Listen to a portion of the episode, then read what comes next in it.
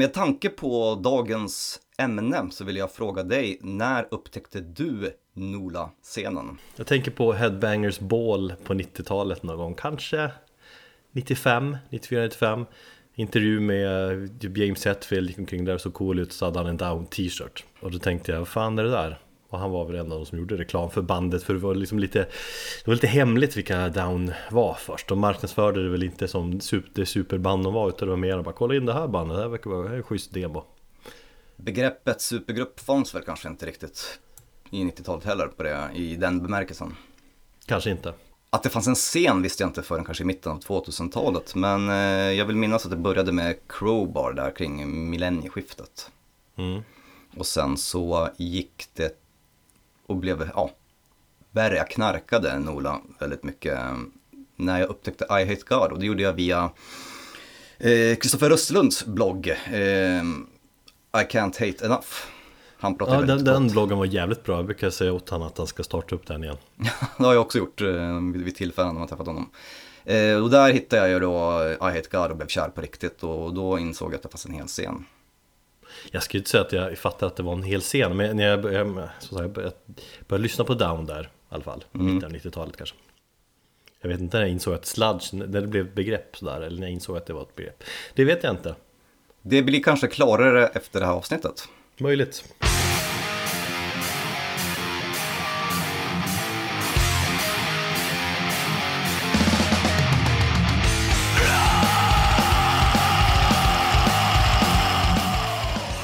Välkommen till Metalpodden avsnitt 117 Det är jag som är Erik och med mig har jag som alltid då, även här i coronatider, min gode vän Thomas. Thomas som är lite stressad.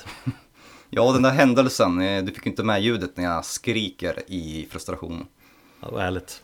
Ja. Det är som vanligt, eller det är väl är det måndagssyndromet lite grann?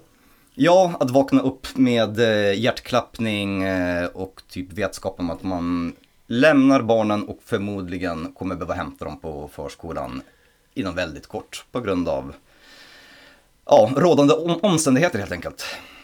Mm.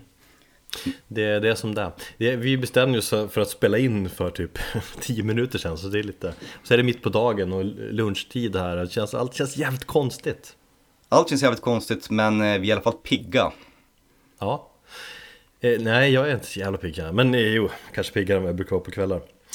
Men annars har ju ännu en tid gått i det här jävla coronasamhället och vi överlever än så länge. Men det, jag tänker i den här tristessen och i din stress. Det är nog jävligt bra att ha den här podden, att kunna försvinna in i den. Här varannan vecka och bara totalt dyka ner i musikträsket. Så att jag känner snart kommer du släppa allt det andra som finns runt omkring dig. Ja, när vi har spelat in det här avsnittet så hoppas jag att stressen kommer lugna ner sig lite grann För det är ju väldigt mycket i alla fall för mig, väldigt mycket ångest och eh, hårt arbete innan varje avsnitt. Ja, ja exakt. Det brukar kännas jävligt bra efteråt. Det är lite som ett träningspass, att man, man är jävligt nöjd efteråt. Man lever lite på nästan så endorfiner och sånt där, lyckorus på något sätt. Eh, jag har ju börjat gjort som det, att jag har en, en vattenflaska. Mm. En Stadium vattenflaska som jag sitter och sörplar i nu. För att det ska bli ännu mer träningskänsla. Ja, vad bra. Träningspodden. Ja, förhoppningsvis så kan jag hålla upp de där endorfinerna och serotoninet i, i skallen med ett eh, löppass efter detta. Mm, bra. Eh, vi ska in på ämnet här snabbt. Eller vi, jag vill också säga att vi har en Patreon-sida, det var ett tag sedan vi sa att vi hade det. Där man kan bli medlem om man vill stötta oss och det funkar då som så att man signar upp sig på tre olika nivåer som ligger på 2, 5 eller 10 dollar i månaden. Och då får man också förmåner tillbaka i form av pins och en metalpodden-mugg och så kan man vara med och bestämma ett ämne i vår podd och det är härligt. Mm. Så patreon.com slash metalpodden om man vill eh, stödja vår fina podd här. Och vi har ju snackat om att eventuellt kanske ändra eller lägga till några nivåer och göra någonting nytt. Så känner ni att det finns någonting ni skulle vilja ha? Eller om ni har några förslag på grejer som man kan ha på de olika nivåerna så är ju ni välkomna att höra av er. Mm. Vi har tänkt kanske skicka ut ett mail till våra patroner också. Mm, precis. Prata lite med dem. Det tycker jag de förtjänar. Ja, man får vårda de som man har. Mm. Nu eh, hoppar vi in i eh, dagens eh, saftiga, fina ämne här. Ehm, jag tror jag nämnde musikträsk. På tal om musikträsk här, så blir det ett riktigt träsk vi ska hoppa in i. Mm. Folk har ju har väl berättat att de, de har gillat när vi gör de här äh, geografiska nedslagen. Vi har ju dykt ner i, i svartmetallen på Island i avsnitt 94. Mm. Jag har kollat tillbaka lite där vad vi har gjort. Vi har snackat Umeå i avsnitt 74. Vi har pratat Portland i avsnitt 36. Vi pratar om våra hemstäder, Västerås och Övik i avsnitt 11. Sådär. Du pratade silesisk black metal, säger man så? Silesisk. Ja, på svenska så blir det så. Mm. Eh, och gjorde det i avsnitt 59 Vi har också ut, åkt ut i rymden i avsnitt 95 Det får man väl också säga så var någon form av geografiskt nedslag kanske Och sen kanske jag har missat något geografiskt avsnitt så här. Men vi har ju också idéer på fler sådana framöver Yes.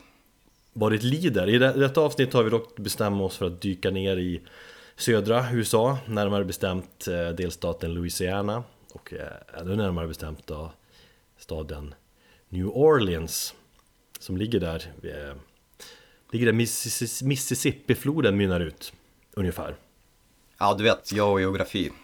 Ja, Så. men det är södra USA i alla fall Ja. eh, Och vi ska hänga där i träsken Och vi ska prata om Nola Sludge musikstilen Mm.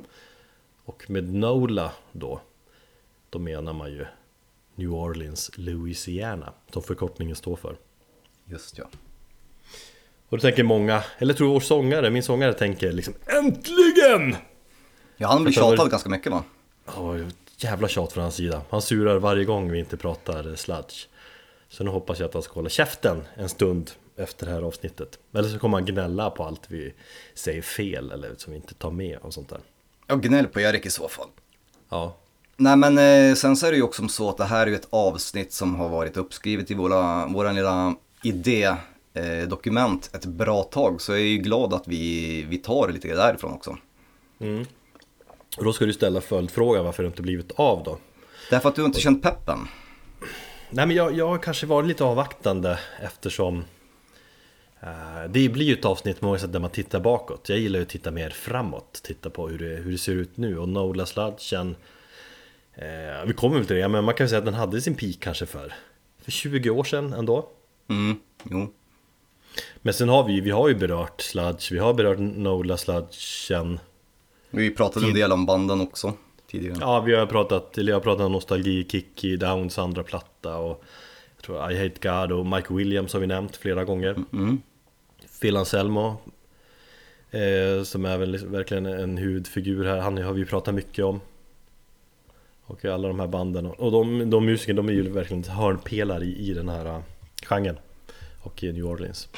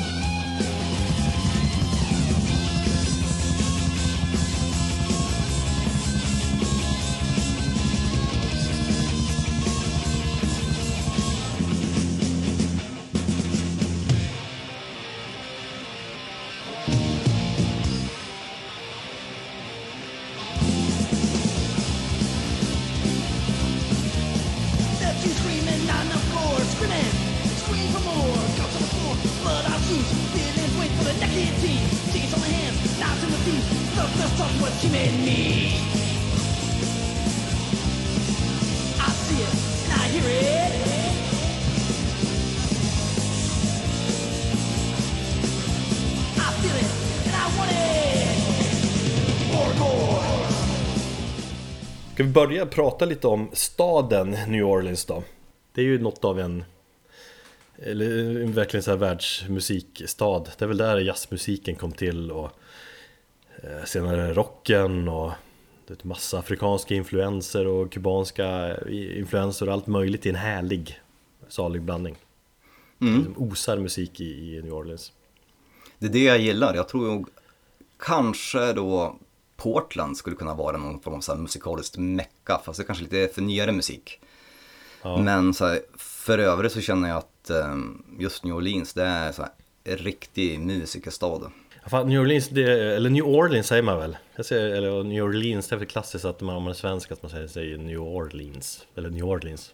Fast man Ja, vi, ska inte gå in, vi ska inte gå in på våra uttal igen, vi får skit för det. Skit i det. Nej men det, det, jag känner, ja, det är ett ställe man vill åka till, eller hur? Och bara liksom andas in atmosfären. Vi kanske ska göra det du och jag efter coronakrisen år 2026. Ja, ta alla Patreon-pengar och så sticker iväg dit. Jo, nej men absolut. Eh, det är När sån här- flygresorna blir eh, vettiga priser igen. Du vet, vi tajmar in och gör feta konserter. Vi hänger i Pepperkinans bar, vi svettas. Alltså, Och den där, den där baren, och den vill jag verkligen besöka. Ja, jag också. Det, alltså det är inte en jättestor stad egentligen. Jag, jag tror det är så här 390 000 invånare eller något sånt. Enligt Viken i alla fall. Mm. Så det känns som en stad man kan lära känna ganska snabbt och så. Ja men det är Jag just eh, den här vet du, festivalen då, Mardi Gras, som man skulle vilja besöka när hela stan verkligen lyser upp. Och den här paraden, allt det där skulle man vilja se. Ja, det känns som att det är bara en jävla supa och det visas tuttar hit och dit och sådär. Ja, Fast för sig det är väl härligt. vad klagar du på? Ja, Jag har försökt, jag har försökt leva lite med New Orleans i, i eller under den här veckan. Jag, liksom, vi har ju lyssnat på musiken därifrån hela veckan, du har också gjort det. Uh, ser ut som i alla fall när du lägger upp händelser på Metalpoddens Instagram. Ja men det är klart, jag började ju först med att göra research och på att läsa på och sen så insåg jag att det är ju meningslöst att kolla på att läsa. Det är bättre att känna in det så att jag gick på mina metalpromenader och mina löpningar och så lyssnade jag på en hel del Nola-musik ehm, och kände liksom in mig på det sättet. Mm. Jag har på min eh, väderapp på telefonen har jag lagt in eh, staden. Så nu när jag går in och kollar vädret för Jakan typ nästa dag när man vill veta om det skulle bli regn och om kidsen behöver stövlar och sen när de går till skolan och så Då ser jag också att New Orleans, eller deras väder eh, Ligger samtidigt? Och den här veckan har det varit runt 30 grader och sol på dagarna där borta. Varmt och fuktigt som fan verkar det vara där. Mm. jag ramlade in på någon sån här turistsida. När jag googlade runt. Eh, Och det var någon som ställde en fråga, planerar att åka dit i juli, augusti? Och frågade hur, hur vädret då? Och de flesta rekommenderar att man inte ska åka dit då, för det är för varmt. Det var någon som hade, ja jag var ute på balkongen i fem minuter, det, ja, det, var, det var vad man pallade. Mm. Just på grund av luftfuktigheten och, och sådär Men eh, tillbaka till lite grann vad, vad stadens inverkan har ehm, gjort på musiken. Som sagt, det är ju historiskt sett så är det ju en stad där, ja, som sagt, jazzmusiken och väldigt mycket svart musik har ehm, sitt ursprung ifrån. mm. I hela, hela staten, tänker jag på också, Louisiana. Ehm, sen så finns det väl också en kanske lite mer um, socialrealistisk eh, vinkel, det som kanske har bland annat influerat och bildat de här sludgebanden som kom under ja, slutet av 80-talet och som var stora under 90-talet. Och det är väl väldigt mycket också det här utanförskapet eh, som har präglat en hel del, den här misären, droger. Ja, jag gjorde faktiskt en grej här. Som Sagt, vädret tror jag påverkar musiken också. Och jag, liksom om man tänker mer allmänt, jag tycker att, att varje så geografisk plats när man gör så här djupdykningar, det påverkar ju musiken. Jag tror att den här typen av sludge som vi snart ska gå in på eh, hade ju kanske inte kunnat uppstå i Stockholm till exempel. Nej, nej, Så det är intressant att tänka på dem. Just på vilka faktorer på en specifik plats som påverkar musiken. Mm. Eh, jag skrev upp några, jag, och så, du- jag har hört att du också funderat på det. Så vi kan ta dem, ta dem en och en och så får vi se om du håller med mig eller inte. Som sagt temperaturen där, tryckande hetta, ofta allt står still, allt liksom rör sig långsamt, man sitter i skuggan och chillar. Väldigt laid back. Är- Ja, laid back, och det påverkar musik på det också, är tunga, doomiga. Eh, Och musikkulturen allmänt som vi, vi pratar om, musiken är väldigt stor, där genomsyrar allt, det är liksom en det är det en del av stadens DNA, själ och historia så blir det blir så att man har musiken i blodet på något vis när man växer upp där. Mm. Drogerna såklart. Ja, det är för sig ingen skillnad i eh, vilken, vilken världsdel eller vilken stad man är i. Droger och, och misär finns det väl. Men, men det känns på något sätt som att det, Extra mycket va? Ja, men just också på att eh, New Orleans är en stad som har råkat ut för en hel del katastrofer. Jag tänker inte bara på eh, orkanen Katrina utan det har väl varit en massa andra grejer där också som har på, på, liksom påverkat atmosfären och sen så att det är till stor del en stad där väldigt mycket liksom, svarta människor eller minoriteter också bor så kan jag tänka mig att, jag tänker på det här talet som var det Kanye West höll i typ 2007 när han sa att eh, George Bush doesn't care about black people. Mhm. Och just efter eh, orkanen Katrina. Att det, det finns också en, en, som sagt en clash mellan stadens invånare då som är minoriteter och sen så ett polisväsende som är i stort sett rasistiskt och allmänt en liksom, rasistisk ryggrad i hela liksom, strukturen av stan. Mm. Som säkert också påverkat. Jag tänker på den här, jag såg den här dokumentären, den kan jag faktiskt rekommendera. Eh, sju delar finns på, det är bara att söka på, på YouTube, som heter Noisy, Nola. Det är Noisy som har gjort den dokumentären i sju delar, sju avsnitt. Eh, där de intervjuar prominenta figurer i scenen och där var det väldigt många som pekade på den här eh, torget i, centrala New Orleans som heter Congo Square. Mm. Som är, eh, utan just den här torget så hade inte, ja musiken existerat för det var ju där de svarta slavarna fick eh, gå ut på söndagar och ja, be, göra sina religiösa saker och spela musik i, i några timmar innan de sen då fortsatte vara slavar. Som fick som en, en liten frid på söndagar. Mm. Och det tror jag också bildade liksom att musik skapades där på det här torget och sen så har det liksom suttit i, i, i staden sedan dess.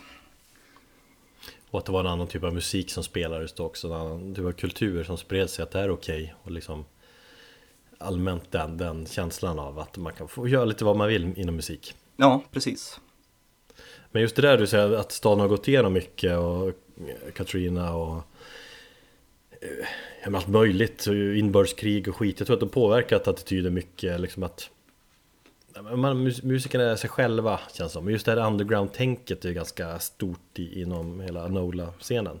Mm. Att man är liksom open-minded allmänt, att man Det är inte så mycket rockstjärneattityder. Nej, omkring där bland vanligt folk. Jag märkte det när jag såg eh, Down och Pepper Keenan innan Han gick bara omkring och bara drack bärs liksom bredvid en. Och man bara fan, det är ju Pepper Keenan liksom. Han är en av oss han är oss liksom, han är, han är ingen speciell snubbe Och att den attityd, attityden tror jag kommer mycket från att vara en stad, eller att man bor i en stad som New Orleans som på något vis också påverkar ärligheten i, i musiken när man slipper det här rockstjärnefiltret.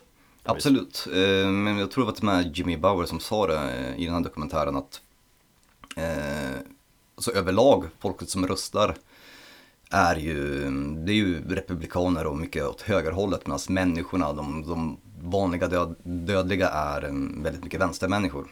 Mm. Och att det också på något sätt påverkar i attityden att man slår från, från underground nivå och är liksom underdogs.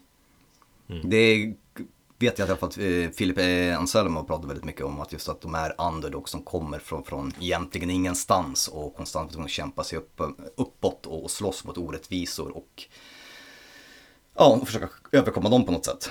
Mm, verkligen. Och om man går tillbaka till eh, drogerna, där är det så att det är väl inte så jävla mycket nytt heller eh, att eh, rockmusik skrivs när det tas droger. Men Mike Williams i I Hate God säger ju också i den dokumentären väl att det är inte så att han det är inte så att han rekommenderar att ta droger Men han säger samtidigt att drogerna har hjälpt han mycket med musikskapandet. Mm, precis. att, eh, Gräs och sånt där allmänt eh, Det är liksom okej. Det är en väldigt bra dokumentär att se om man vill få sig en liten, liten bild. Alla, ja, det är alla, sju avsnitt, men varje avsnitt är väl typ en kvart långt så att eh, eh, Ja, det går ju så snabbt att se igenom det om jag, om jag minns rätt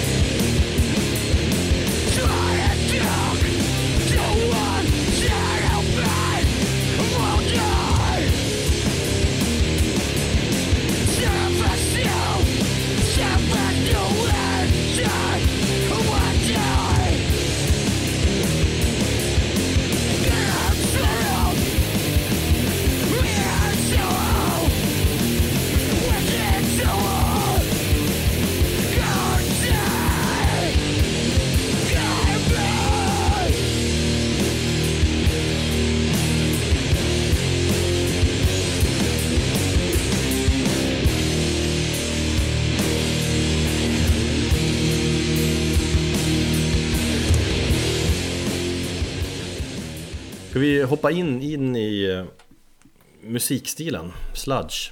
Ja, hur definierar vi sludge och, hur- och framförallt hur definierar vi Nola sludge? Ja, just sludge Idag, idag känns det som att det är, har vi pratat om tidigare också, men att det är så jävla brett det är, För mig känns det som innordet nummer ett inom metal typ Alla vill vara lite sludge Eh, ja, absolut. Eh, däremot så sträcker sig mm, själva begreppet sludge betydligt längre bak i tiden när det bara egentligen fanns ett band och det var ju The Melvins. mm. Och utan dem så hade vi inte det begreppet sludge funnits så, så som vi känner igen det idag, även om det har liksom breddat sig och en massa andra grejer har letat sig in. Men eh, det var väl Melvin som var den största influensen på, på, um, på scenen och speciellt plattan, eller de två plattorna, Six Songs och eh, Gluey Porch Treatment. Och många av de här sludge-personerna, de här prominenta personerna pratar ju om att utan Melvin så hade det inte funnits någon Nola-scen överhuvudtaget. Nej. Även om de inte är här eh, Uber-sludge, men de har ju de här sludge-elementen eller, Som man känner igen att aha, här har man fått liksom, idéerna ifrån. Men samtidigt var det ju i New Orleans där liksom sludgen hittade sin kärna. Men sen, sen har det ju som sagt, den har ju utvecklats mycket och det är, det är så jävla många band som använder sig av liksom, epitetet idag men Jag tycker det finns många brutala band som skriker ut sin själ typ och det, det, de är mörka som satan men jag blir oftast liksom inte jag blir inte så intresserad av det. Om det inte, om det inte finns det där bluesiga och grooviga i det den här, den här Nola i sludgen Och det är ofta det jag går igång på mest. Alltså jag älskar ju den form av sludge som ja, men Neurosis har varit med och skapat Men det är lite mer post-metal sludge. Eller High On Fire har sludgiga inslag Men det är väl mer Stoner sludge då. Eller tidiga Mastodon som jag älskar som fan men Det är också en annan typ av sludge. Men det är ju också band som har eh, uppkommit på grund av Nola. Ja, Så, så visst, de har ju bara tagit eh, element och liksom breddat det ännu mer. Men vi kan väl komma överens om, och det tror jag de flesta kan skriva under på, att det är just det här bluesiga och groovet som gör just eh, Nola-sludgen så pass unik. Ja, alltså, ja, exakt. I grunden handlar väl sludge om en Eller Nola sludge, som en blandning mellan eh, doom metal och hardcore punk rock någonstans här. Och lite noise. Eh, mycket tu- tung disk, tunga riff, mycket eh, rundgång, jävligt mycket skrikig sång liksom. Mm.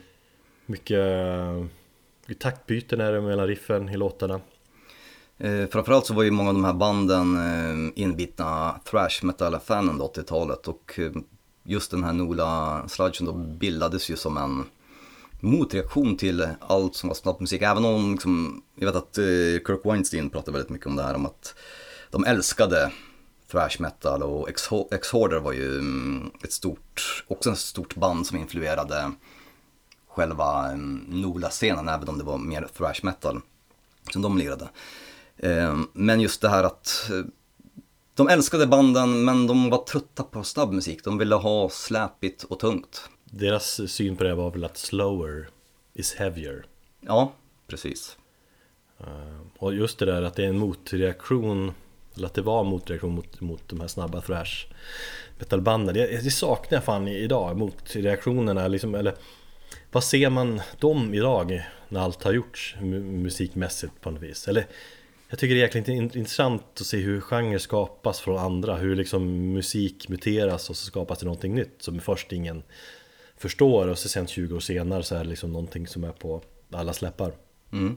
och så var det ju med Sludge också Att en tidig version av det var så här, ja, weird och, och konstigt Jo. Jag tror eh, Kanske också den dokumentären där Mike Williams säger typ att han Jag har sagt det tidigare också, liksom att han, han drömde som ung när han var en liten, lite så här punkkille att han ville Han ville typ spela musik som lät Black Sabbath fast det var med Någon typ av hardcore punk-attityd Och folk bara, vad, vad, vad, det går ju inte Men det är mycket det vad sludge är på något vis Mm. Väldigt mycket hardcore i rötterna. Ja, Visst. Nej men det finns väl också personer som kan krediteras väldigt ofta eh, att vara ansvariga för, för genrens utveckling. Eh, I just den här dokumentären också så pratar ju Jimmy Barham, att han oftast får väldigt mycket cred för, för det. Och han i sin tur menar att det går inte att, att liksom akkreditera till någon speciell person utan det är ju liksom, det är ett kollektiv som alla var med och, och, och gjorde någonting. Sen att det var någon som kanske tog det första steget. eh, Och då menar många på att det var Jimmy Bauer, bland annat och Kirk Weinstein. I viss mån också Mike Williams. Men de i sin tur menar att det hade ju inte varit någonting om de inte hade haft eh, Mike Hatch från eh, bandet Shellshock också. Och att det med honom så, så, så, så tog det fart på riktigt. Ja, det, det är ju ett band som kanske inte så många har hört överhuvudtaget. Um, men det är framförallt han Mike Hatch då. Jim Bauer blev väl väldigt liksom inspirerad av honom och så när han tog livet av sig var det som att att de spreds liksom och det, det på något vis skapar eller var som katalysatorn för, för hela genren på något vis. Mm, jo, det stämmer. Uh, en annan sak som jag tycker är väldigt mycket sl man, sludge, man pratar soundet och så, men för mig är texterna det som skiljer ofta också mellan andra stilar. Mhm. Uh, att det handlar mycket om texterna. Jag tycker sludge texter ska vara det ska vara naket och brutalt och liksom inte, du vet, fan vi är bäst i världen och vi ligger med brudar. En sludge-text, det, det är mera Där sitter jag vid min eh, sängkant, min tjej har precis tagit livet av sig och jag tänker injicera heroin tills jag får en överdos I ögat. i ögat. Eller liksom bara det brutala, ärliga, Ja, men- utan att vara filtrerat på, något, på, på något sätt.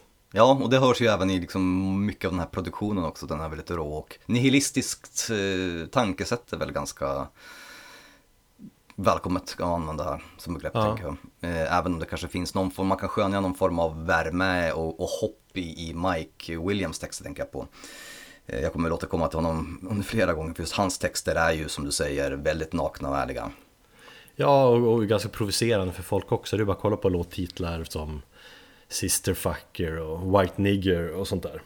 Mm. Hit a Så säger man girl. Att, ja, ja, så tänker man att det där, ja, större kommersiellare metalband skulle inte kunna släppa sådana låttitlar riktigt.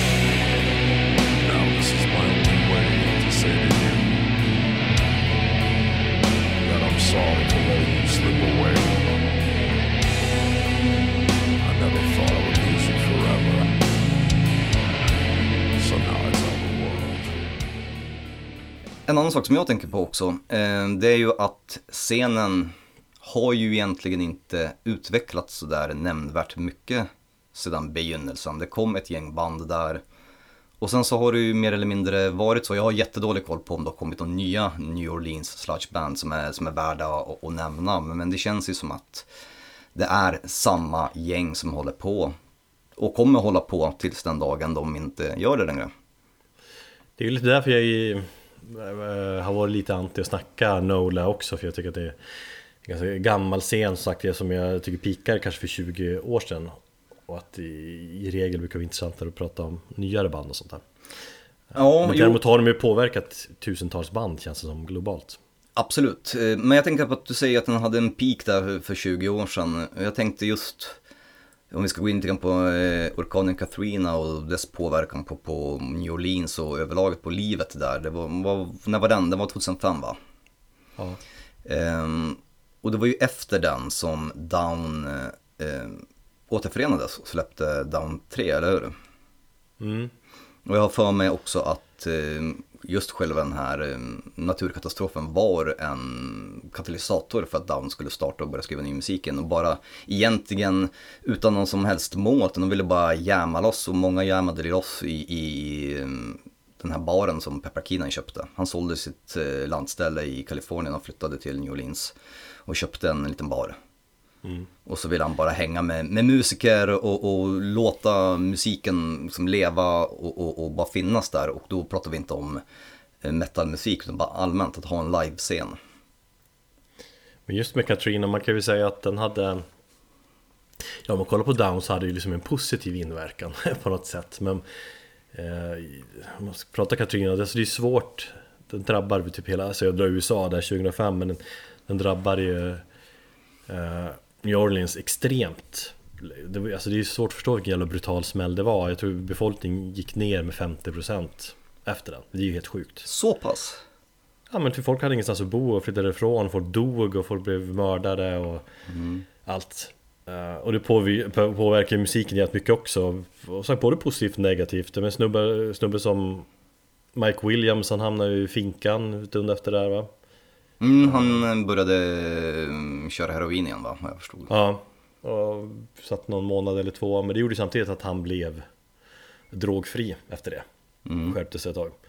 Eh, Fast bandet var ju splittrat och bodde i olika delstater och sådär Men eh, för Down var det ju ändå bra. Han, Pepper Keenan fick väl sin bar plundrad där först i Katrina så sen Phil Anselmo hade ju varit liksom helt borta ner i skiten De hade inte pratat med varandra på flera år han och Pepper och Just ja. Dimebag hade blivit mördad och Phil hade ju, tog ju sina Ja, han knarkade mest för att han hade så jävla ont i ryggen och så här, smärtstillande skit Men sen insåg han att det här håller ju inte längre Så att Nej men det, precis, men det är det jag menar lite grann. Men visst, eh, någonstans så kanske eh, genren pikade lite grann där kring millennieskiftet. Eh, Jag, tänk, jag tänker mest musikmässigt sådär Alltså Bästa skivorna och, och så Kom kanske för Men däremot kanske alltså rent eh, Du tänker mer kommersiellt att liksom Nej, jag, jag, jag, tänker, jag, jag tänker mycket på de här banden som vi, kommer, vi ska prata här om. Jag tänkte att just Crowbar var ju ett band som Ja, jag vet inte, jag att släppte ju Odd Fellows Rest som är ju en superplatta där 99. Och sen så släppte de lite halvdana plattor. Efter den här eh, orkanen, hela den här grejen, så, så kom de tillbaka lite starkare. De släppte ju Seven the Wicked Hand 2011 har jag för mig, som är en jävligt bra platta. Det kändes som att de var på G igen. Down återförenades som sagt. I Hate God fick ju eh, en kick i arslet och bestämde sig för att börja spela in i musik även om det fick dröjde till, var det 2014 eller 2015 innan nästa skiva kom. Men alltså det blev någon form av, ja, en misär och en naturkatastrof fick folk att, ja vad, vad kan, vi, kan vi göra? Ja, vi spelar musik det enda vi kan göra i, i den här skiten. Och så fick den en liten kick igen, även om som sagt nu 2020 så, så vet jag inte riktigt vad man kan säga om den. den det, det är ju som samma band och jag tycker att några av dem är ju ganska trötta idag. Alltså det är ju gubbar Det är ju en scen som består av gubbar Jag skrev ju någon Innan vi tänkte hoppa in detaljerat med om banden Jag skrev en punkt här som lyder uh, Inavel i scenen Mm. Eh, och, och med det menar jag att I det stora hela är ju den, det är en jävligt tight grupp Liksom, hela scenen känner, Alla känner alla Eh, Och flera musiker som vi nämner här, för de, spelar liksom i flera band Så scenen känns som det är en ganska homogen liten grupp och det Ja, dels har det ju präglat soundet mycket och påverkat. Det har liksom varit Mm. en form av positiv konkurrens liksom mellan banden. Ja, precis. Det har de ju pratat väldigt mycket om att den här konkurrensen mellan banden har ju bara varit um, vänskaplig. Och fått dem att pu- pusha varandra istället för att de skulle tävla om vem som var bäst eller som var tyngst eller brutalast. Men samtidigt är det väl också att de har som ätit upp varandra på något sätt. Eller det är de här, det är de här snubbarna som finns inom den här scenen. Och inte så många andra. Kanske inte finns, finns har inte funnits plats för dem. Men just det där att de är så homogen grupp så tycker jag, alltså så tänker man att allt låter likadant, att sludge är låter sludge men, men jag tycker verkligen att alla band verkligen har sin speciella grej också, sitt eget sound. Ja. Det går även att slänga in dem i, i, i sludge-beskrivningen. Intressant att du säger det för att det, det jag tänkte på är um, inför det här avsnittet och de här banden som vi ska gå igenom så tänkte jag på att de låter inte alla väldigt lika varandra utan alla har en särskild stil eller har liksom breddat sig men det finns en gemensam grej som håller alla banden ihop och det är ju som sagt det är ju den här lite bluesigare stilen och groovet tänker jag. Och staden. Och staden givetvis.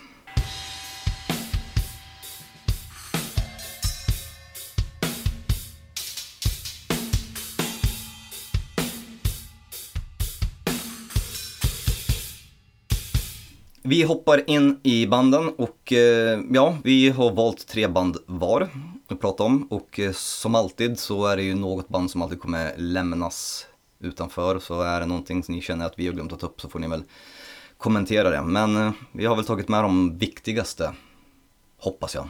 Mm. Nej men de band som de flesta nämner är liksom de, de största inom, inom scenen är det väl. Ja, precis. Då får jag börja då med eh, Soylent Green. Mm. Eh, Det är ett eh, band som faktiskt särskiljer sig lite grann ifrån de här övriga banden som vi ska prata om här framöver. Eh, I att de spelade någon form av sludge grindcore, eller som vissa vill, vill kalla det, sludgecore. Jag gillar inte riktigt det begreppet. Eh, Det som får Soylent Green att eh, stå ut lite grann är ju att de har ju mer ja, Black Döds-inslag och mer grind i, i sin musik. Och de kanske lutar sig mer åt det här hardcore-hållet än just det här grooviga och bluesiga.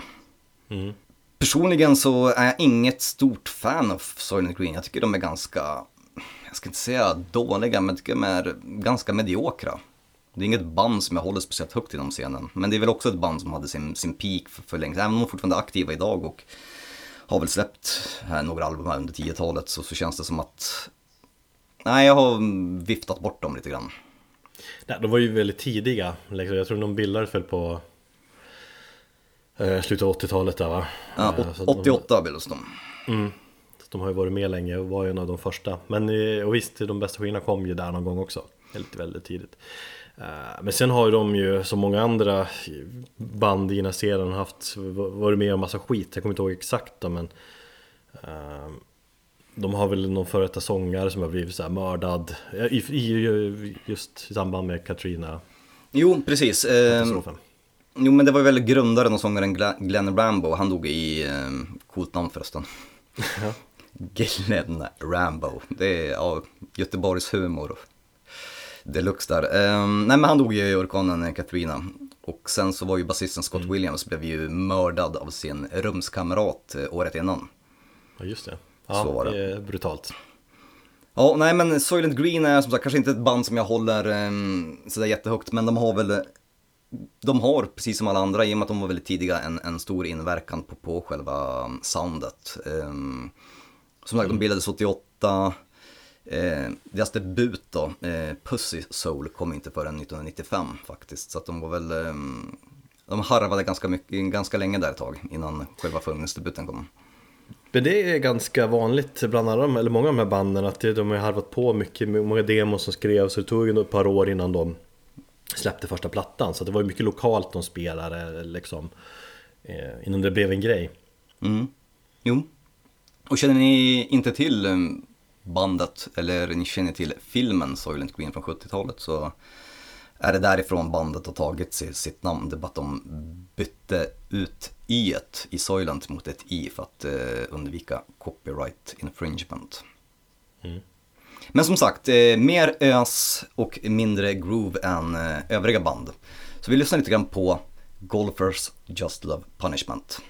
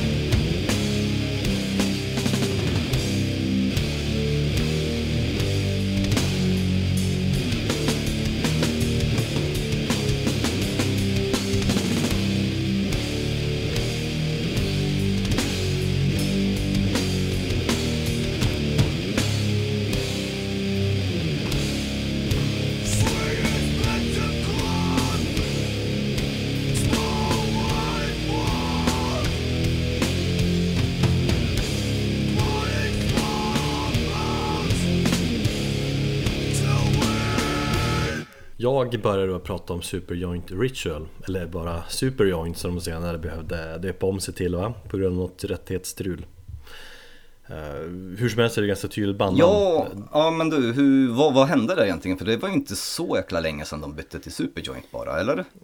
Nej, det var ju när de återförenades där 2014. Mm, precis. Så Då, var det något, var något annat band som hette det kanske? Eller jag, jag, jag vet inte exakt hur det var, men det, det, var nog något rättighetsstrul där i alla fall. Okej. Men Superjoint funkar ju också. Mm, söker man på. Spotify och Apple Music så får man upp eh, både Superjoint och Superjoint Ritual. Jag tror att de gamla plattorna ligger under det gamla namnet. Mm, ja. Eh, Men det, det är ganska tydligt bandnamn vad de gillar att göra och sånt där. ja, Och det var faktiskt det är ett band som varit med ganska länge också, de bildades redan eh, 93 Men då var det ganska svårt för Philip Anselmo som är sångare där och huvudlåtskrivare, eller just att kunna få tid med någonting annat än Pantera vid den tiden. Mm. Så bandet fick ligga mer eller mindre på is Tills eh, det var en ganska orolig tid där i Pantera efter sista plattan. Då Ja, då var de ju var det verkar inte helt överens i Pantera längre. Så då passade Philip Anselmo på att ta upp bandet igen och så släppte de två fullängdare i början av 2000-talet Mm. Eh, De har släppt en till också 2015 eller 2016 efter att de återförenades igen. Mm. Jag minns att jag hade, jag hade rätt svårt för det här bandet först. Eh, Jag ville ju egentligen ha mer Pantera. Eller mer Down gillade man ju också, de kom ju sin andra platta runt samma veva. Och det tog alltså lång tid för mig innan jag gick igång på Superjoint Trots att det var liksom Jag fann ju Philip Anselmo, det är en av mina stora liksom hjältar på något vis. Mm. Men jag bodde i ett kollektiv där i Umeå i ja, fyra och ett halvt år mellan 2002 och 2005 och det var nog min eh, kombo, säger man va? Eh, Kristoffer, som han gick igång som fan på Superjoint så att då gjorde jag också det till slut. Men jag lyssnar på eh, eh, Superjoint och Down så här, ja, efter varandra och försökte jämföra lite grann. Jag hade ju förväntat mig lite mer Down kanske i Superjoint. Eh, just kanske för att jag kände till Down mer, men de är ju inte så pass jättelika så jag kan ju förstå att du blev besviken. För det var inte heller någonting som jag går igång på lika mycket. Nej, alltså, alltså, jag tror att problemet för många var ju att man ville ha Pantera-stuket. Men det här är ju betydligt råare och det är mycket mer hardcore som inte finns i Pantera riktigt på det viset. Så det är mer fräscht. Det är lite black metal-vibbar också. Anselmo gick igång på mycket norsk black metal vid den här tiden. Ja, just Och det är det. groovigt. Ja, han snackar ju väldigt mycket om Transylvanian Hunger, hur mycket den påverkade honom. Ja precis, och det tycker jag man hör också i Superjoint Och framförallt är det ju, det är ju jävligt mycket Philip Anselmo Han har ju skrivit, eh, läser 80% av allt material de har skrivit eh, Och visst, han är, han är ingen supergitarrist som Dimebag Men han kan ju spela gitarr och riffa och han har ett ganska liksom, brutalt sätt att skriva riff på Mm. Sen kan man ju tycka, och folk tycker jävligt mycket om Phil Anselmo. Han har alla har nog åsikter om den eh, snubben Du vet, han är ju hög i de flesta intervjuer känns det som. Såg den där eh, Det är någon YouTube Weed-kanal som intervjuar Som släpptes bara i, dagarna eller någon vecka sedan. Nej, jag Som måste intervjuar, missat. som intervjuar Philip Anselmo och eh, The Illegals, hans eh, soloband Mhm. När de bara röker på som fan och pratar. Det, det är ganska underhållande Mhm. Nej, det har jag missat. Ah, Okej, men den kan jag rekommendera. Eh, Men nu- han har ju klantat sig i sin uttalande och så, men, men liksom musikaliskt är det ju svårt att snacka ner hur mycket han har gjort för, eller gjort, men nu, ja, men hur mycket han har åstadkommit metalvärlden och hur liksom, han har ju sin legacy, han är ju jävligt betydelsefull. Och först och främst genom Pantera och så. Sen tycker ju många att, ja men fan det är ju bröderna Darrell. Men man ska ju ändå komma ihåg att Pantera var ju bara liksom ett spandex metalband innan Anselmo kom in. Han kom ju in med där hårdheten och kompromisslösheten på något vis i Pantera. De hade aldrig blivit liksom vad de blev utan Anselmo, det är inget snack om den saken. Nej. Men sen har han gjort så mycket mer, du vet alla plattor han producerat, hans liksom mytomspunna studio där, hans skivbolag. Han brinner ju verkligen och det tycker jag han gjorde på Super John Ritual också. Det, framförallt var han ju nere i ett knarkträsk där så det tycker jag speglas mycket i, i texterna. Jag tänker mig att eh, de här, du vet den här black metal-influensen i Philip Anselmo. När han pratar väldigt mycket om just Transylvanian Hunger och eh, hur det har påverkat honom. Och kanske då Superjoint Ritual. Men han har ju ett black metal-projekt som heter Scour va? Mm. Jag tänkte om, om det är någonting som han, nu har inte jag lyssnat på dem, eh, jag tänkte om du hade mer koll på det. Eh, är det någonting som är bra för det första? Och är det någonting som han har liksom vidareutvecklat från just eh, Superjoint? Ja, det är... Jag vet inte om det är bra, eller jag har ju hört för lite kanske. Det... Ehm, jag, jag, jag gillar med hans projekt att han är, han är så jävla liksom produktiv och gör nya grejer hela tiden. Mm. Sen är det väl varierande kvalla på. Jag tycker senaste Illegals-plattan var ganska... ah, Det gick jag inte igång på. Riktigt. Nej, den fick- Skev. Den, var ju ganska, den fick ju ganska dålig kritik här för mig. Ja Man gör saker, testar nytt, ibland blir det fel ibland blir det bra Men liksom att han bara ska starta nya band hela tiden och så Han är ju den som måste kolla på alla de här snubbarna i den här scenen som hela tiden gör nya saker Mm. Jo, Snubben brinner som sagt. Eh, Och, och Super John Ritual, de är väl Jag tror bandet är nedlagt igen. Nu faktiskt, men höjdpunkten tycker jag i alla fall är andra plattan är Lethal Dose of American Hatred Från Just 2003 ja. De hade mest spännande line-up då också. Jimmy Bauer han kom in där som extra gitarrist och så hade de Hank Williams the third på bas. Han är ju sonson till eh, ja, men Hank Williams, country-legendaren där det. Men Hank Williams third är ju ganska cool snubbe Han har väl någon Han är väl någon form av country, punk, metal, rebell typ jag, vet. Mm. jag har inte listat så mycket på han. Eh, annan jävligt kul detalj på den här plattan är att Philip Anselmo han, han räknar in på en majoritet av låtarna Typ tredjedelar, eller ja, mer Två tredjedelar av låtarna kanske är liksom One, two, one, two, three, four Ja, du det märkte jag. Det hörs ganska tydligt. Ett annorlunda grepp Det känns, Inte- nästan som, ja, det känns nästan som att de har eh, bara tryckt på räck och sen så kört. Framförallt den känslan de vill förmedla i alla fall. Mm. Det är råare. Eh, Men vi, vi hoppar in halvvägs in i låten The, the Destruction of a Person. Där det, där det bjuds lite på allt. Ett av, En av höjdpunkterna från den här plattan. Another group of so-called friends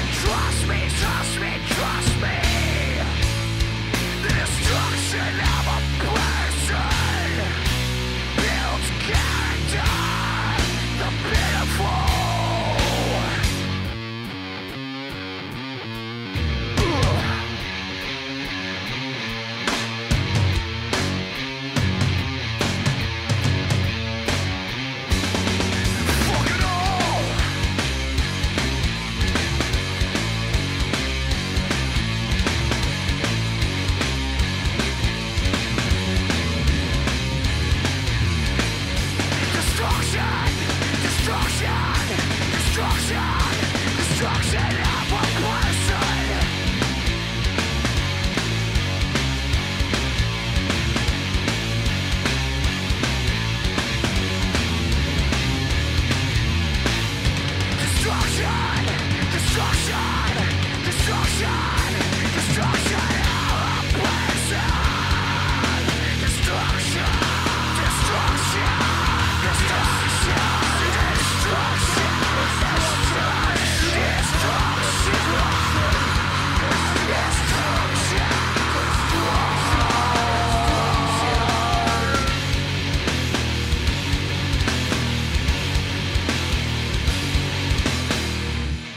Phil Anselmo kommer ju återkomma väldigt mycket i det här. Hur man än vrider och vänder på det så kommer ju han, har han ju ett finger med i, i det mesta. Han hade ju likväl eh, ett finger med i Soylent Green mm, och gästade på några av, eh, eller ja, på Bro, nej vad heter den skivan? Ja, nu minns jag inte namnet på det, men han har i alla fall gästat på en platta även om han inte blivit krediterad på det. Vilket hörs väldigt tydligt om man, om man lyssnar på, på just eh, Soylent Green.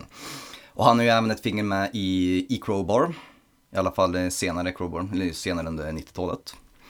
Men eh, Crowbar är ett band som jag som sagt upptäckte stilen med, även om jag då inte visste om genren. Ehm, gjorde det lite bakvänt kanske, jag hade koll på, på dem under där 2000-talet men fastnade inte för bandet egentligen på riktigt förrän Seven the Wicked Hand kom och det var ju 2011. När de på något Det sätt var en, en av de första vinylerna jag köpte faktiskt. Och då Jaså? jag köpa, köpa vinyl. Ja, men jag har ju fått en eh, möjlighet att gå tillbaka här nu och lyssnat igenom hela diskografi och jävlar alltså. alltså jag säger bara Odd Fellows Rest, vilken jävla platta. Ja, Jag vet att det- ja, den är, det är väl det självklara valet att börja med för att det är så jävla bra platta. Sen är det ju, man kan säga det är ganska maffig diskografi med Crowbar. Det är ju räknat till 11 album sedan 91 och det är ganska, det är ganska imponerande med tanke på att eh, Down, där, där Kurt spelar gitarr, har ju tagit mycket tid också. Och så har han ju haft bandet Kingdom of Sorrow med Mm. här Jamie Jasta och sådär. Eh, Men ja, Odd Fellows Rest, mm, bra. Ja, det känns som att de klev upp en, ett pinnhål där och inte riktigt eh, lyckats överträffa det. Varken tidigare Nej, det har eller de väl inte. efter. Nej det kanske de inte har, men sen är jag... Eh, Okej, jag kan inte säga att jag är 100% insnöad på hela diskografin Men jag tycker att bandet alltid har hållit ganska hög kvalla genom åren Mm, ja, jag, kommer till det. Ehm, I alla fall, Crowbar bildat i skarven mellan 80 och 90-tal. Ehm, rötterna eh, av Crowbar då går tillbaka till just bandet eh, Shellshock mm, och 1988. Mm, och där när Mike Hatch eh, tog livet av sig så bytte de till eh, namn till Aftershock. Och körde på ett tag men det gick inte så jättebra. Så det lades ner. Så bytte de namn eller ja, körde typ samma banduppsättning och kallade sig för Requiem med ett W framför. Det lades ner. Så bildade de bandet Slugs. Det lades ner och ur Slugs då kom Crowbar som vi kommer känna igen dem under 90-talet då. Och de är väl också här, om vi nu, nu ska prata om den här inaveln så i scenen så är det ju eh, Tom Buckley från Silent Green eh, gick med i bandet där 91 och det var då jag tror de bytte namn till just Crowbar. Och just den plattan, första debutplattan är väl liksom en av de absolut första sludge-plattorna Mm. Och så här rätt, jag vet inte, så här, när jag lyssnar på det så här retrospektivt och kanske jämför med, med, med just Hot Spell och Rest som är, ja som sagt, milstolpen där så känns det som att eh, Ja, det finns väl kanske något historiskt värde av att lyssna på tidigare Crowbar, men, men jag tyckte att de kanske inte riktigt hade hittat sin grej där. Nej, jag tycker inte jag heller. Alltså, Man hör att det är sludge, så man förstår exakt eh, historien i det hela Men den, är, ju- den kan ju inte mäta sig med vad de gjo- gjorde senare Nej, eh, Winstein, eller vad säger man? Wi- Winstein, Weinstein, Weinstein? Eviga fråga, Winstein tror jag de säger Jag bara hör hur Aron ligger nu i fosterställning och skriker autistiskt. Weinstein. Det är ja, tyskt, nej jag vet inte Han, ja, vi kallar honom för Kirk här. Han eh, ogillar då begreppet sludge och han sa ju att han var med på påverkad och influerad av Celtic Frost och försökte göra någonting i den stilen. Så det är ju ganska, ganska udda att det blev som det blev ändå. Men ja, jag vet att Kirk uttalar sig mycket om det där Men det har ju andra också gjort att ah, vad fan visst blir det inte sludge liksom Men det är så lätt att slänga in alla i I den grejen Ja, absolut. Eh, Jimmy Bauer då, eh, han var ju med i början eh, när Crowbar bildades där, under, när de var ja, under något av de andra namnen de hade. Sen hoppade han av och sen så joinade han bandet igen 96 och var med ett kort tag har jag för mig innan han hoppade av igen. Och så har vi då Anselmo som har sjungit på eh, skivan Broken Glass. Det finns ju andra kopplingar också. Första basisten på första downplattan här, vad heter han? Todd någonting va? Han är ju, spelar ju Crowbar. Jag tror han är tillbaka nu också. Man var med från början. Ja, men det är ju det här jag, jag blir lite tokig på för man kollar upp Crowbar, men de har haft så mycket medlemmar som gått, och, och kommit.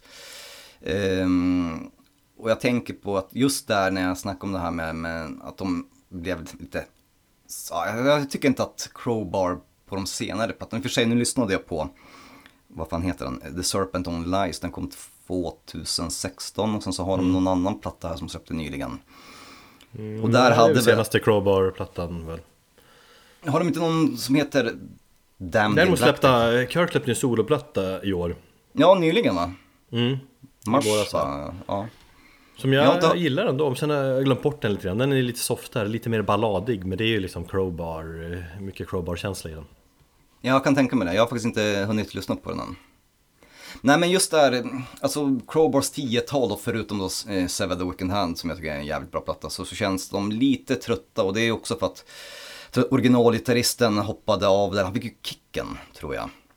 Eh, av Kirk. Eh, de kom inte överens eh, och då sen släppte de in den här, spelade de in den här The Serpent Only Lies. Så den känns, den känns inte, den känns ganska tråkig och mjäkig. Jag tyckte att tidiga Crowbar är hårda, de är brutala.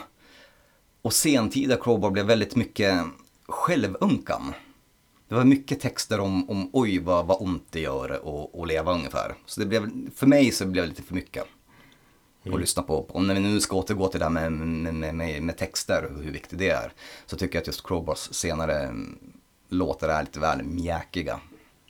Fast det är ju liksom ärligheten också som jag kan jag gilla att han är kanske mer självutlämnande. Det har jag inte reflekterat över det. Men det tycker jag är... Ja, ja absolut. Och sen så får man väl också lägga till alla åren som har gått. Så att han har ju väl blivit kanske lite mer självreflekterande och, och lugn och kanske inte lika arg. Nej. Ja, Det har, det har, ju- det har ju säkert eh, en stor roll på det. Eh, nej men i alla fall, för min del så är the Wicked Hand Crowbars senaste bra platta. Men som sagt, det var jävligt kul att få göra, få göra research med det här avsnittet och återupptäcka Odd Fellows Rest eh, på nytt. Ja. Ehm, sen så har ju som sagt, du nämnde ju hans soloplatta där och eh, han släppte ju två stycken album med Jamie Justa under projektnamnet eh, Kingdom of Sorrow som jag gick igång på som fan när det begav sig. 2008 tror jag debuten kom. Uh, jag älskar det som fan då och det var ju jävligt bra blandning för då kommer vi tillbaka lite till det där hardcore-rötterna och då, det är ju verkligen tydligt att det är Kirk, eh, hans gitarrspel kontra Jamie Justas hardcore metal bakgrund. Så det blev en bra, det blev en bra mm, fusion av musiker tyckte jag. Ja, det var ju väldigt lyckat. Men det är ju mycket med riffen som är Kirk. Alltså, Crowbar är riffen för mig. Han har ett väldigt karaktäristiskt sätt att skriva riff på. Det är de här blytunga, grooviga, i regel ganska långsamma, malande riffen. Typ sludge groove metal skulle jag liksom vilja eh, kategorisera in dem om man ska göra någon sån här under sludge kategori på dem. Jo, det kan man verkligen göra. Sen har han ju en speciell sångstil också. Jamie Justa menar du, eller, eller Kirk? Ja, Kirk tänkte jag då på. Det är så här väsande på något sätt. Ja, det är ja, möjligt. Han sjunger, han sjunger med mycket mer inlevelse. Och som sagt kanske inte lika mycket ilska som de andra banden. Det är inte lika rått utan det är, det är mer, det finns en, kanske något mer själfyllt i hans musik. Eller hans sång tänker jag. Mm, mm. Exakt så. Nej men just det här med Kingdom Sorrow är ett projekt som eh, jag vet att det har snackats om en tredje platta. Om den nu blir av eller inte, det är svårt att säga. Jag har för mig att både Kirk och Jamie har sagt att de, de har en önskan om att göra en tredje platta och jag vet att många band, eller många fans eh, längtar efter det. Så om någon, något är på G här, det, det, kan, det törs jag inte svara på. Det, ja, det känns som att det kommer någon gång. Men nu är ju Kirk lite upptagen igen möjligtvis. Vi kommer över till det senare. Mm. Och under tiden så lyssnar vi på Crowbar och Behind the Black Horizon från fantastiska Odd Fellows Rest. nu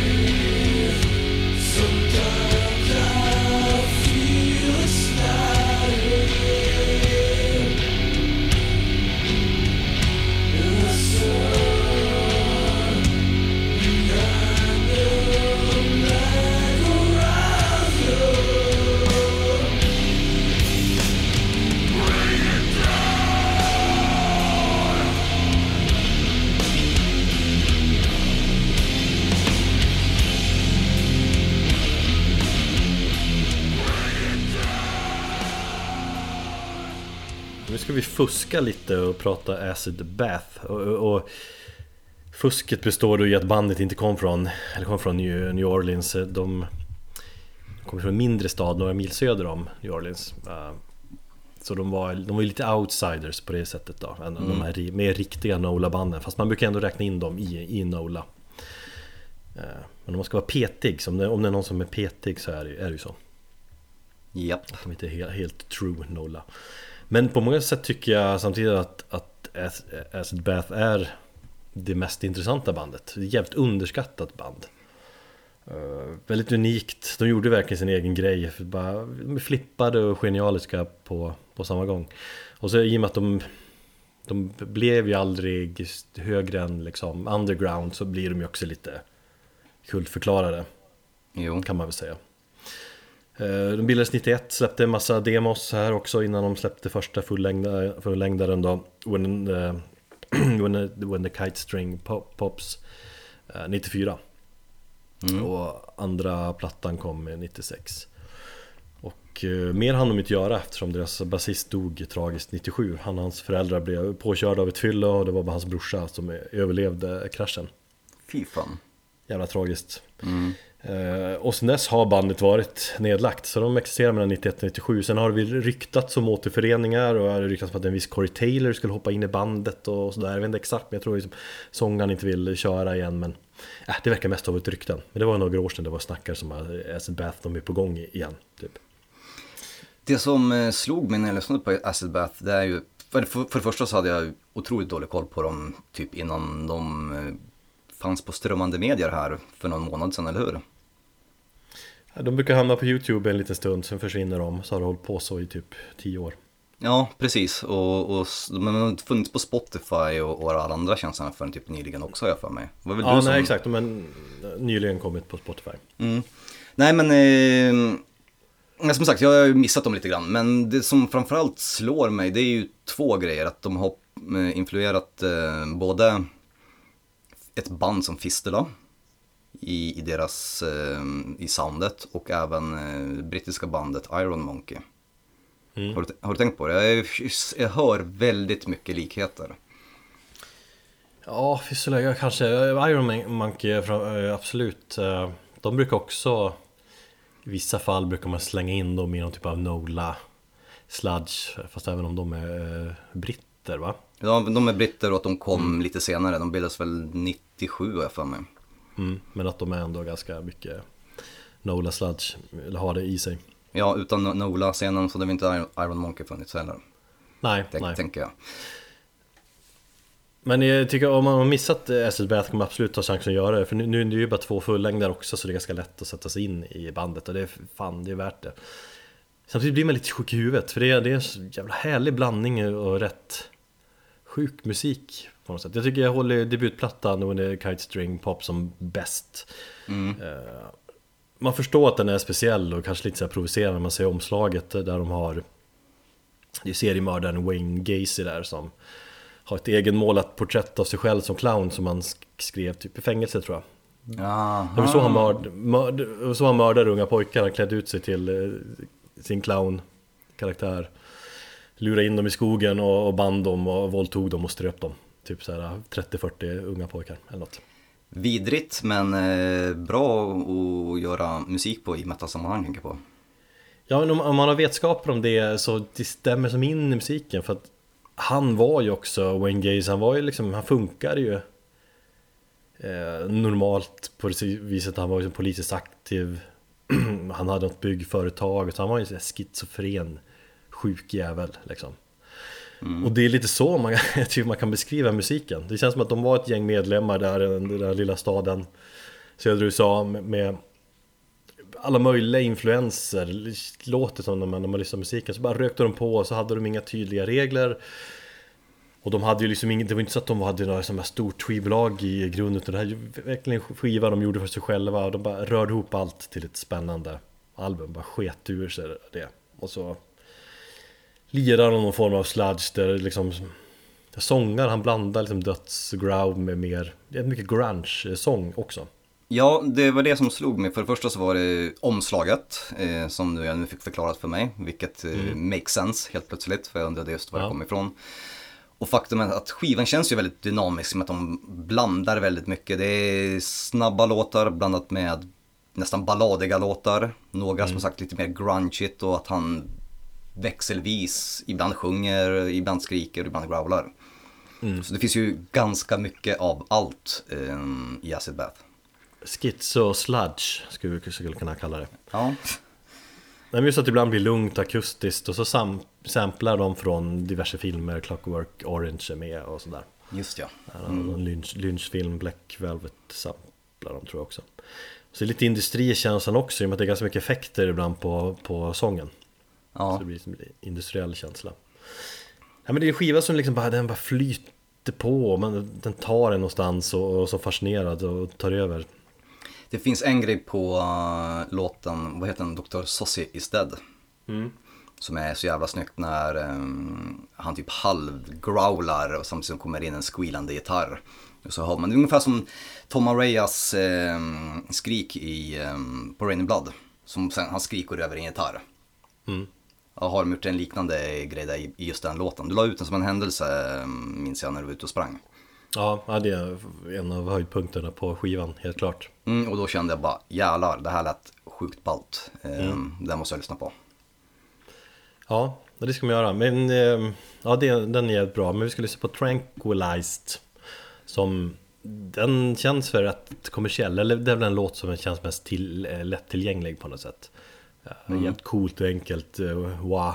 Riff där med den andra gitarren bara solar i bakgrunden under sången. Och så går den över i sånt där typiskt doomigt eh, sludge riff. Jävligt bra. Och så sjunger de fan knarka till 100%.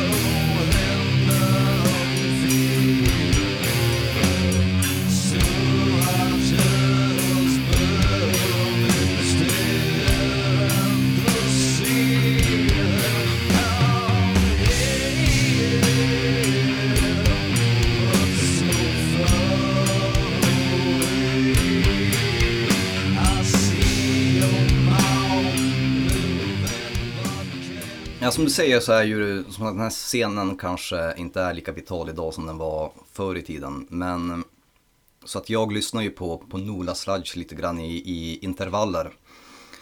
Men eh, alltid när jag känner mig sugen på, på just den typen av musik och när jag känner att jag vill få rensa kroppen från eh, ångest och allt möjligt så är mitt go-to-band eh, I Hate God. Som jag håller i särklass som ja, ett av mina favoritband och kanske genrens eh, bästa band. Det går ju att diskutera. Ja, det går att diskutera liksom. Men framförallt är det, jag håller med dig att det, är- det är liksom Det är real sludge för mig. Det är 100% sludge i I Hate God Det är liksom Ja, ja, lika med tecken mot sludgen på något vis.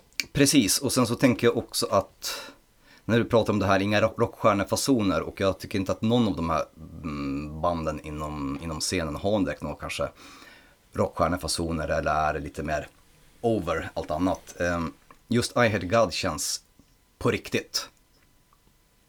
Det känns som att Ja. det, det, det är riktig misär, det är allting bygger från, från alltså, egna personliga erfarenheter. Och det är ju till stor Det- del på grund av Mike Williams texter. Ja, för visst, det är, det är de här nedstämda bluesiga riffen Det är liksom bluesrock det de håller på med någonstans Fast det, det är liksom skev, skev bluesrock och det här rundgången hela tiden och så, men, men Mike Williams sång och texter på det gör att han blir den perfekta sludge frontmannen i och med att han är en trasig, fascinerande jävel liksom. Sjukt fascinerande människa. Det som han har gått igenom, ja, det skulle man inte vilja göra själv. Och så känns det också, liksom, det går lätt att tänka på black metal och liksom lyrik som liksom, det ska vara så brutalt men han Det är inget filter på han och det är, det är självupplevt och det är, ja, det är brutalt Och även med en viss poetisk touch finns det också. Han kör ju mycket så här slam poetry. Eh, Jag vet inte, såg du det här? eh, Om jag skickade det till dig eller om jag fick det? Det Ja. var ju ett klipp här i veckan när han läser upp en 10 lång, 10 minuter lång eh, mm, ja, dikt. mm. Det, Det var- till, till Roadburn-chatten, ja det var ju bra Var det jag som skickade det? mm. Det kanske det var. Tror jag Ja. var någon. Skitsamma, det var, det, det, det var så kul för jag hade precis sett den här dokumentären om Nola som är från 2015 har jag för mig. Jo, för att eh, bandets senaste album hade släppts, men de pratar om det. Och han såg så jävla fräsch där. Han såg ung Det är ut. så jävla fräsch men Alltså, jag tycker Jo, han alltid ju- sett lite sjuk ut för att jag, jag, det, Han har ett udda utseende ser, ut- Han ser fortfarande ut som en pojke nästan Typ en likblek pojke Det är något med hans Han ser ut som min, som- han ser ut som min moster, framförallt. det finns väldigt mycket likheter mellan honom och min moster. Nej men jag håller med, han är ju ganska liten eh, och tanig. Ja, alltså om man lyssnar på hans röst och så tänker man hur kan man tänka att den här snubben ser ut då? Och så ser man en bild på honom och så tänker man va? Ja, Okej Ja, precis. Han ser, Nej men det han ser tänkte... inte ut som han, som han låter Men det är så kul i den här dokumentären för att det finns ett klipp där mot slutet när de alla äter eh, Luciana-räkor och har ett barbecue-party hemma hos, jag tror det är, eh, om det är Phil. Och så är det liksom journalister där, det är lite annat Nola-folk och så ser man eh, Mike eh, Williams i bakgrunden. Han, han verkar så försynt, då står han så här och han håller liksom en öl eller vad det är, någon, någon flaska, jag vet inte om han dricker längre. Jo det gör han nog. Han håller den så här tätt, i kroppen, tätt intill kroppen och man ser att han så känns lite obekväm och så kan han prata och sådär. Så att han, honom kontra den personen som är på scen. Vi har ju sett I Hate God live också, det är ju två olika personer. Och jag gillar den. Fan, jag den nästan... som- Jag blir avis på mig själv när jag tänker tillbaka När vi såg I Hate God senast på eh, Debaser-slussen för massa år sedan Jag stod längst fram och typ höll, slog på hans skor Vi har, ju en, ja, vi har en bild på du, jag och så tror jag Tommy och någon till när vi står och kramar om med Jimmy Bauer allihopa. Ja, just det Och jag på min I Hate God t-shirt fick skit för att jag bar bandets eh, t-shirt till deras spelning. Inte av bandet då, men av alla andra jävla gatekeepers. Speciellt det? när du själv har pratat om de reglerna i podden du driver Ja, jag vet. Jag är ju en posör. Nej, men som sagt, I Had God, som du själv sa tidigare, bildades ur frågan vad skulle hända om Black Sabbath var punkigare? Om vi tar bluesen och, och, och doomen ifrån Black Sabbath och så, så bara lägger vi till eh, mer hardcore element i det. Mm. Och eh, namn, bandnamnet har, har jag förstått så, så har de funderat på vad de skulle heta och då var det någon i bandet under tidigt 90-tal som kom på men nu kan vi heta I Hate God. Alla var bara nej och så tog de en syratripp och så sa en någon av killarna bara men du vi byter ut i mot I som öga och alla hade bara flippat. Det var det bästa de kom på. Och Och var- skriver ihop det också, det är ju det som gör det ännu bättre. Ja, precis. Och jag, jag, jag gillar det. Nej men också är det där, bara, vad menar du? Någon betydelse för det där då? Men nej, det är ju bara pårökt eh, bandnamn. Pårökt. Kanske. Ja, som sagt, en syratripp. Det är nog betydligt värre. Mm. Ehm, I det här vill jag också då lägga till ehm, det här med eh, orkanen Katrina då och eh, deras påverkan på I God som fick dem till slut att ehm, ja, skärpa sig lite grann. I alla fall ett tag och eh, göra en skiva som släppte där 2014-2015. En självbetitlad eh, platta. Också lite grann som en eh, tribute till deras avlidna trummis. Eh, vad var han hette nu? Joey Lacasse, Little Boy tror jag han kallade sig något sådär. Mm. Han gick ju bort 2000, ja tidigt 2010, 11 12 någonstans där. Många med att han är jävligt underskattad också, eller att han har jävligt stor del av soundet. Men det är handlar ju mycket om, om svänget i de här bluesriffen eh, som, ja, som han ligger bakom med, med, med trumkompet. Mm. Jag kan också rekommendera serien Tremay, har du sett den? Nej. Eh, fantastisk serie, det är samma människor som gjorde The Wire. Som gjorde den här, så det är, det, ja, den kan rekommenderas. Det är en dramaserie om just livet i New Orleans strax efter eh, Katrina-orkanen då. Och eh, även om största fokus är på, på det är alltså att allting är skådespel. De har tagit in, de har väl gjort precis som de gjorde i The Wire, att de tog in folk från gatan som fick spela personer. Så det är ju väldigt, liksom, det är inga skådespelare. Sen så finns det ju lite mer Hollywood-skådespelare. Jag tror att John Goodman till och med med i, i första säsongen. Ehm, men som Hur skildrar gammal är den? Eh, den kom, när fan tittade jag på? Den kom 2008, 2009. Mm. Tror jag finns fyra eller fem säsonger. Väldigt tung serie, det händer inte mycket men det, du får bara följa liksom olika människors liv i, i New Orleans efter just det här. Hur de försöker liksom återskapa liv efter spillrorna av en naturkatastrof. Ehm, Och då är det väldigt mycket fokus då på svarta och väldigt mycket fokus på just jazz och den musiken. Men I Hate God har faktiskt ett litet um, framträdande i den serien. Jag tror det är mot slutet av eh, sista säsongen.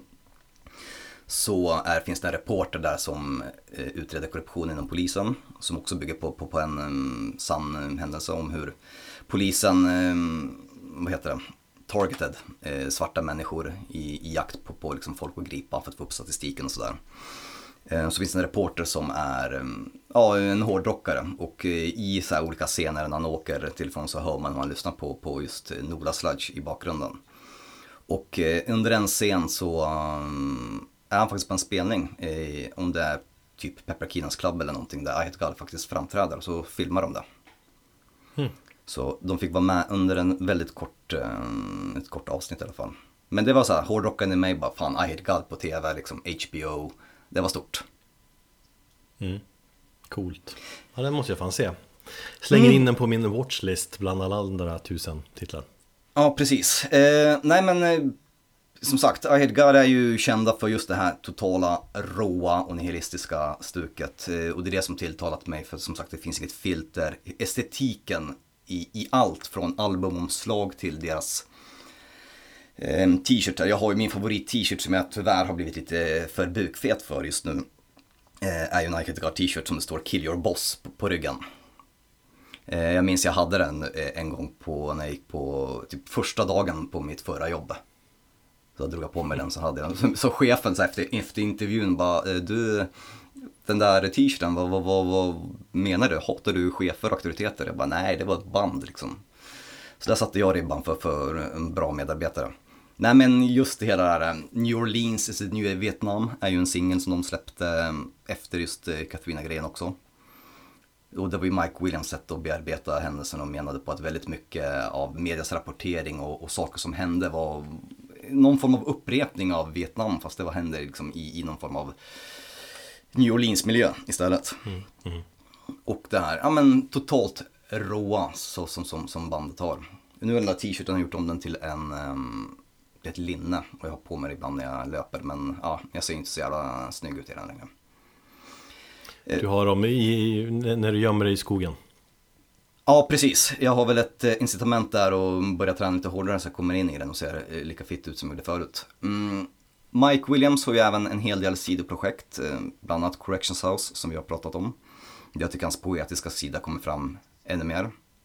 Eh, och inför det här avsnittet så får jag faktiskt erkänna att jag glömde kolla upp dem, men sidoprojektet Outlaw Order, som du absolut vill att vi ska ta upp.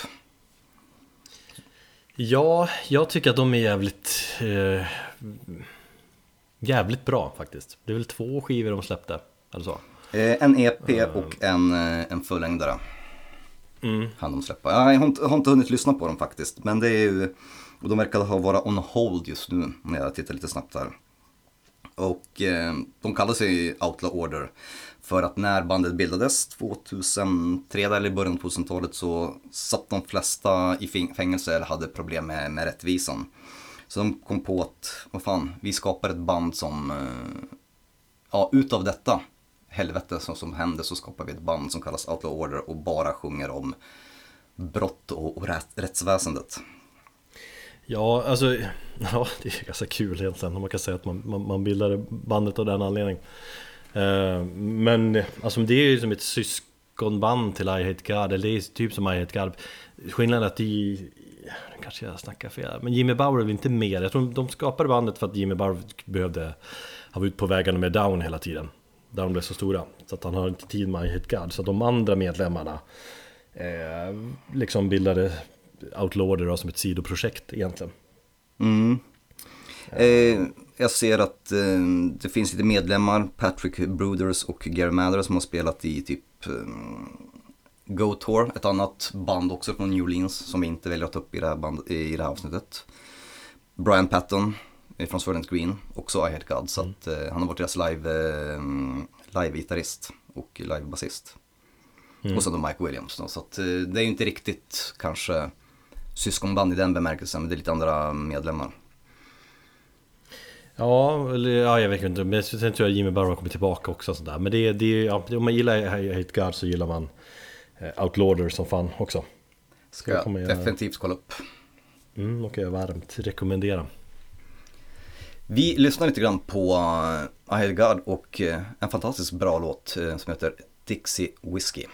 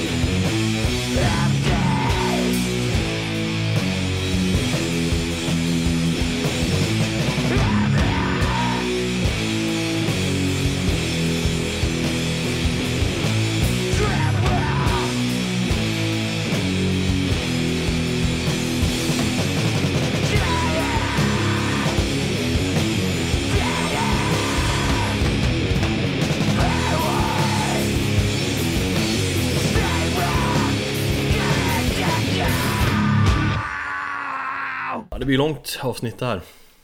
Som vanligt då. Vänt, ja, som väntat. Och sist ut då, ja då måste man ju såklart nämna Down då lite mer. Eh, Det är väl ändå bandet som är eh, men som är största anledningen till att det, liksom, till den stora massan har koll på Sludge Nola-grejen överhuvudtaget. Mm. Och så som jag berättade om i introt här att liksom, men det var ju så jag kom i kontakt med, med scenen. Liksom att man såg en, en James Hetfield ha en down-logga och så ja, långsamt därifrån så upptäckte man mer. Sen var det ju 25 år sedan de släppte Ja, jo men det är 25 år sedan ja. Eh, debutplattan som heter just Nola. Den släpptes den 95, vilket har blivit någon form av kan man säga, modern klassiker som man brukar prata om. Jag eh, hör väldigt mycket grunge på den plattan också. Ja, det kan man väl säga. Det, Eller väldigt, sådär- väldigt mycket eh, inte, men jag tänkte just på låten, vad heter den? Stone the Crow. Ja, Den låter ju väldigt mycket influerad av... Ja, precis. Det fanns ju video och allting spelas väldigt mycket på Headbangers Ball. Det känns som att den låten är ju väldigt mycket grunge-influerad. Då med, med lite Nola-influenser. mm. Och det är inte så konstigt med tanke på hur stor grungen var där också. Precis. Men ja, det är ju snuskigt bra platta. Men sen, sen får man väl säga att det är någon form av liksom supergruppernas supergrupp. Jag såg Revolver Magazine hade nyligen en omröstning om det. Eh, och när jag kollade topp 5 så hamnade just Down på första plats. I så här konkurrens med vad var det, Velvet Revolver och eh, Killer Be Killed, Fantomas, Oreo Slave och nå- något sådär. Hå- Vadå? Håller du med? Vadå en lista över eh, supergrupper? Ja. eh, ja, absolut. Med tanke på de andra bandnamnen du, du nämner så, så ja, det är väl kanske någon, någon supergrupp. Jag kan väl inte tänka mig att det finns någon annan grupp med samma pondus eller med samma inbitna prominenta figurer. Nej, alltså grejen är väl också att till skillnad från så många andra supergrupper så har ju Down funnits eh, länge och de har släppt mycket musik, de har utvecklats, som sagt de har funnits i i 25 år så de är ju De är ju inte riktigt band, medan många andra supergrupper känns mer som att de, de släpper något för kul, de träffas Typ backstage, dricker någon öl och så kommer de överens om Ja. att de ska jamma lite grann och så släpper de någon skiva. Men Down känns det ju verkligen som ett band som ja, Många supergrupper inte gör. Ja, är sant. och som sagt debuten fyller 25 i år och de hade ju planer för massa gig tror jag. Det var några Europafestivaler inplanerade också. Det var ju några år sedan de spelade nu och Kirk Winstein skulle ju vara Han skulle ju vara tillbaka också. Ja, han hade väl hoppat av för att han inte kände att han hade tid, eller hur? Nej, han ville, ju- han ville satsa på Crowbar. Så att det var Just väl ja. kanske så här, det var säkert åtta år sedan han hoppade av nu. Men de har ju inte Jo. spelat så mycket senaste åren heller. Nej men nu sket ju sig allt det där på grund av pandemi här i världen. Men man får väl hoppas att det blir av nästa år istället. Mm. Sen kan man ju fundera på hur framtiden ser ut då för bandet. Jag hoppas ju liksom Man hoppas på en nytändning när Kirk är tillbaka. Man vill ändå ha Kirk i Down. Det känns liksom Kirk och Pepper Keenan, de två som gitarrister. Och de är så pass olika som gi- gitarrister också. Men det, den kombon är jävligt mycket down för mig liksom. Jo, men jag kan också känna att eh, skulle liksom, ja men hoppar Kirk av eller Pepper så, så känns det som att en väldigt vital del av deras sound skulle försvinna. Ja, framförallt eh, känns det väl som att nu på senare år har det varit Pepper och, och Phil som är bandet. Ja, kanske med Jimmy Bauer då Mm. också. Basjobbet har ju varierat lite mm, mm, genom åren. Men de har ju tre fullängdare, alla jävligt bra. Men de släpper väl också någon EP? De senaste åren har de ju släppt eh, två EPs. De Just ja. pratar ju om att det här eh, liksom full, fullängdartänket är liksom utdött. Så att de tänker att ja, det är bättre att vi släpper EPs så kan vi liksom vara mer produktiva och ut och spela mer och sånt. Mm, ja. Så de släppte ju första EPn 2012 och den andra 2014. Sen har ju det inte blivit några fler då. Så det gick inte så bra det tänket ändå. Nej. Uh, och debutplattan är väl den mest klassiska som sagt, det är den som har mest eh, hits kanske. Men jag tycker ändå att de hittade Du snackar om att det är lite grunge i den, jag tycker den är ganska metal i den känslan. Jag tycker att de hittar i sitt riktiga sound från 2000-talet och framåt med andra plattan. Det var då den här den här träsk-sludgen kom och soundet blev mer New Orleans på något sätt. Det är lite smutsigare, det är lite mer äkta. De låter lite grann som de, som de gör i replokalen. Det är mer analogt. Så jag är svagare för den delen egentligen än det tidiga Down. Mm. Det känns som de här, de här, den här sydstatsrock-elementen och bluesen kom väl tydligare här också. Om man ska just jäm- jämföra Down med de andra, de här sludgebanden så är väl Down det är mer eh, Det är mer sydstats rock sludge än de andra. Mm. Möjligen.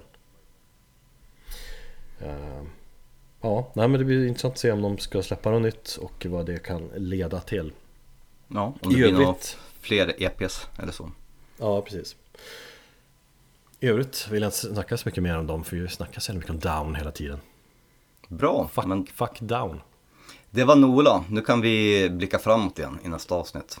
När du säger Nola blir det fel, då tänker jag på Övik, för jag, jag kommer från Nola Skogs. Det är ett område där uppe i Övikstrakten. Det finns en Ett ett litet- gymnasieskola i Övik som heter Nolaskolan också. Ja, ett lite sämre eh, Nola än det är i New Orleans. Inte lika Ja. mycket knark där kanske. Ja, det knackas upp i Norrland också. Men det är dock ja. Nola. Ja, jag tänkte lite mer eh, borgerligt kanske också. Borgerligt uppe i Västernorrland? Nej. Nej, det är det inte. Förlåt. Socialdemokratiskt. Supersossigt, ja. Ja, det är bara att titta på dig. Bra, något du vill tillägga? Nej, tack för att du, eller jo kanske då, det är väl att du, jag gillar när vi gör sådana avsnitt, eh, för även om det ibland innebär en hel del arbete som man inte alltid har tid med så, så känns det som du säger, det känns skönt att återupptäcka och peppa någonting och det var faktiskt kul att få peppa både Crowbar och Down och återupptäcka band som jag kanske lite på senare tid ratat och inte lyssnat på lika, lika ofta. Mm. Så det var härligt. Och nu har vi också en tydlig beskrivning av vad vi, eller vad vi tycker sludgen är, ur, ur sludgen. Precis. Kommer från New Orleans där. Eh, bra, men då, då, jag tänker att vi avslutar med att lyssna på hur det lät senast som Down släppte musik. När de släppte EPn Down 4 Part 2. Och så lyssnar vi på singeln We Knew Him Well. Och med det så säger vi tack och adjö för idag. Mm, och till nästa gång så får ni ta hand om er.